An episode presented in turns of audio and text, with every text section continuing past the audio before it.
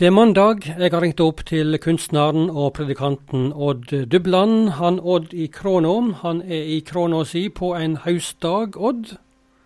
Ja, god morgen, god morgen, Inge. Jeg ser det her i Kråna mi, jeg, vet du. Ja, og vi finner deg på Ålgård i Gjesdal kommune i Rogaland. Er det litt sånn hausta grått hjå deg i dag, eller hvordan er det? Ja, det er litt grann skodd og litt mer høst. Det er nok det. Men jeg er ikke sikker på om det blir noe regn av det. Er det sånn at han Odd holdt seg innendørs på sånne dager, eller?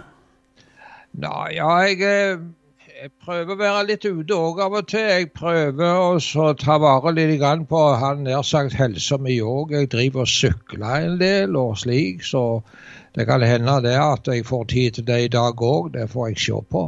Ja, og da tar du en kilometer eller to, eller? Nei, det må nå bli et par mil, da. Det må bli et par mil? Ja, ja det gjør det. Såpass? Ja. Ja, ja. ja, ja da. Men det høres jo veldig uh, sunt og godt ut, det? Ja, min innbiller oss det iallfall. Ikke sant. Og så gjør det litt godt uh, etterpå når du kommer hjem igjen og har fått tatt ut litt? Ja, ja. ja. En tenker seg ikke så voldsomt mye ut på om en sykler et par mil, vet du, hvis det er flat vei iallfall. Nei, det er ikke slik at du, du gir guffa veldig hardt på, altså? Nei, nei. nei. du, eh, jeg sa innledningsvis eh, i, i sendinga i dag at eh, mange ord og uttrykk som vi bruker i dagligtalen vår, de har vi henta ifra Bibelen. Og jeg sa at han Odd Krono han har tenkt litt i de banene i dag, for det har du, Odd? Ja, du ser det, Inge, at uh, når jeg gikk på skolen, så hadde vi et fag som heter bibelsoger. Nå er jeg uh, eh, 81 år gammel, så det er lenge siden jeg gikk på folkeskolen. Ja, faget, vet, faget heter altså bibelsoga? Ja, ja. heter i grunnen det. Og vi hadde ei bok som heter Bibelsoga. Og oppi der så leser vi om Abraham, Isak og Jakob vi leser om Peter og Johannes og de i Det nye testamentet. Vi leser kanskje om Paulus. Vi ble litt kjente med personene i Bibelen. Ja. Og, og, du ser det at de som vokser opp i dag, de uh, lever i ei tid når alt slikt skal vekk, ser det ut som. Og de har ingen kjennskap til det som vi fikk kjennskap til. Men du ser mye av det som var i, som folk leser før i tida, det sitter igjen i språket vårt den dag i dag. Ja, jeg husker jo òg Jeg gikk på skolen på 70-tallet. Jeg er en del år yngre enn deg, Odd. Og, og, og vi hadde ikke bibelsåg på timeplanen, men vi hadde faget kristendom. Og vi lærte bibelhistoria i boka vår. Ja. Vi kan ta to-tre uttrykk som vi har i det daglige språk du nevnte, eh, når vi snakket litt på forhånd her i dag, så nevnte du ordet Judas. Alle vet hva det var for noe? Ja, han som sveik Jesus. Ja, ja. Vi kan ta et uttrykk til. 'Jeg toer mine hender'. Det er òg ja. et uttrykk fra Bibelen. Og det var det vel var, Pilatus? Det var Pilatus, det, ja. Og så er det, u, det uttrykket 'Den uskyldige kan kaste den første stein'. Hvor er det henta fra? Ja, det er når uh, Jesus uh, opplevde at de kom med ei kvinne som var grepen uh, i hor, og så, vil, og så ville de steinene da, eller spørre hva Jesus mente om det. Og da sier Jesus den som uskyldige, han kan hive den første steinen. Og da gikk de sin vei, og de eldste første står det skrevet. Og så er det et uttrykk til. Det er 'skriften på veggen'. Det har vi, ja. Og hvor ja, finner ja. vi det i Bibelen, da? Ja, Det er i Daniels bok, da kongen Velsasa hadde lagd en durabelig fest med drikk, drikking og turing. og De eh, oppførte seg gudløst, og så kom der inn ei hånd som skrev på veggen. Det er skriften på veggen. Og så har vi et uttrykk til, det å slå seg for brystet. Ja, det bruker vi jo. Ja, men i, nå har vi vridd det om på en, en feil måte. For, for eh, det tollmannen i tempelet som ba til Gud, og han slo seg for brystet i sorg over sitt eget liv. Altså, det var et uttrykk for sorg. Men i dag så er det slik at de skal slå seg for brystet, så det, det, da føler de seg nei, vi har gjort det rette. Men det er jo helt feil. Men så er det uttrykk til, og det er å forvalte sitt pund. Det har de òg fra Bibelen. Du, der er mange uttrykk og ord som vi ikke tenker på, men som har sitt opphav altså i Bibelen. Ja, og så er det uttrykk til. Det er døden i gryten. Ja, og hvor finner vi det i bibelhistorien? Ja, Det finner vi i andre kongebok, det er fjerde kapittel. Og det var en, en, De skulle lage til noe mat, og så var det en, så, en, en ungdom som gikk ut i marka og samla inn noen ville agurker som han eh, skar i biter som hadde oppi gryta, og det smakte visst forferdelig. Så det var da de ropte der at det er død i gryten. Ja, riktig. riktig. Ja. Men så er det et uttrykk til, så kanskje er rettere sagt bare et ord. Det er ordet 'vederfares'. Ja. Det høres litt sånn gammelmodig ut? Ja, men eh, det står i juleevangeliet. Og engelen sa til dem, forferdes ikke, for se, jeg forkynner en stor glede som skal vederfares alt folket. Og dette ordet 'vederfares' det finner du ikke så mange plasser uten i Bibelen. Og de eldre generasjonene i vårt land de kjenner jo, mange, kjenner jo mye til mye av dette gamle. Og slik er det for meg òg, at jeg burde huske mye av det. Men i dag så tenkte jeg du Inge, at vi skal vi skal ta ei lita bibelsåge og ta den for oss. Ja, og da vil du ta oss med til, til første Mosebok og en historie der om eh, Jakob og Esau, to brødre. Ja, du ser det. Foreldrene deres heter Isak og Rebekka. Og dette er jo uh, veldig lang tid siden. Uh, uh, i Det gamle testamentet. Og disse to, to de hadde da eh, et tvillingpar. Det var Esau og Jakob. Og denne Esau, han som var født først, han var løen, som vi sier, over hele kroppen. Han hadde hårvekst overalt. Og han var liksom Isak sin favoritt, altså favoritten til faren. Jakob derimot, han var liksom mer mor sin gutt. Og så var det slik at Esau han gikk ute på jakt. Og så var det en dag han kom hjem Unnskyld. Han var trøtt. Og så så han at Jakob hadde fått noe å ete. Det var en linsevelling, en grøt det var rødt på fargen. Og så sier, så sier Esau det til Jakob. Ta så Gi meg det der. Og dette er altså to tvillingbrødre. Og da er det en litt lure Jakob sier det at uh, ta så sel meg førstefødselsretten din. Du, du, hva var det for noe? Ja, det, Du ser at Esau han var født først av disse tvillingene. Han hadde dermed den såkalte førstefødselsretten. og Den, den besto i grunnen av tre ting. For det første så var du familiens overhode og representant. Og for det andre så hadde du rett på en dobbel del av arven etter dine foreldre. Og så det tredje, det var kanskje det viktigste. Det var når den gamle far i huset så at det gikk mot slutten av livet, så ville han velsigne den eldste sønnen sin på den måte at han skulle oppløfte den høyre hånda si. Så skulle han legge den på hodet til den eldste gutt og tilsi han alt godt i tilværelsen. Dette var førstefødselsretten.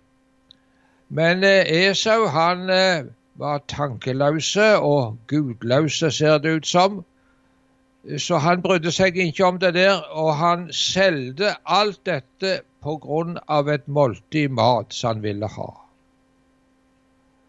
Det var jo svært å gjøre det. Det, det var veldig alvorlig, det som Esau gjorde der.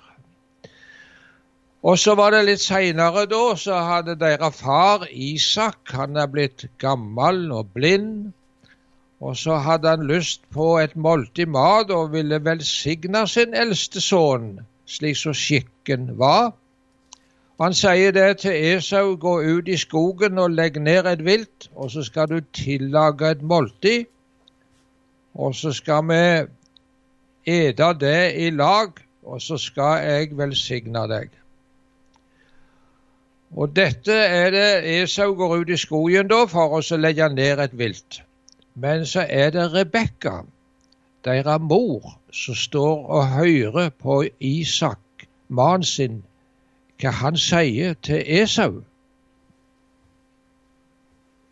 Og så tenker hun ut noe merkelig. Hun vil prøve å lure velsignelsen over på Jakob. Han var liksom hennes favoritt. Og da, hva i verden skulle de gjøre da? Jo, de slakta et kje. Og så trekte de skinnet utenpå Jakob for han skulle imitere i Esau. Men du ser det, Ingan må ha vært temmelig hårdekte, denne Esau. Ja, det må han være da, når de bruker et ja. Eh, sånt eh, skinn utapå. Men Jakob han, eh, ble, han var nervøs og og, og sier det til mor si at segner det at han far oppdaga det, at vi prøver å lure han. Og istedenfor en velsignelse, så sender han en forbannelse imot meg. Og da sier Rebekka noe svært. Den forbannelsen skal jeg ta på meg. Altså, her gjaldt det alt eller intet. Og så er det at eh, de lager til dette måltidet, og så, og så er det at Jakob han tar dette, dette, disse fader inn til faren og sier at eh, nå har han lagt til dette måltidet. Og så sier Isak det at ja, kommer du igjen så snart, sier han. Ja, Gud sendte det imot meg, sier Jakob. Og så ja, vi får kjenne på deg, sier Isak. For det er målet hans Jakob, og så trivler Isak over gutten, og så sier han det hendene hans Esau. Hvem er du?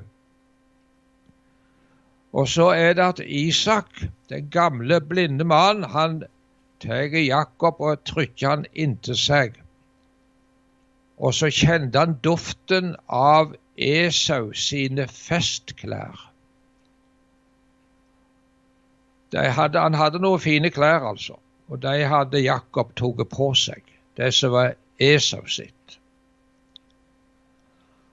Og så, da de hadde ete dette måltidet, så er det den gamle patriark og gudsmann Isak. Han løfter opp den høyre hånda si, og så legger han den på hodet på Jakob.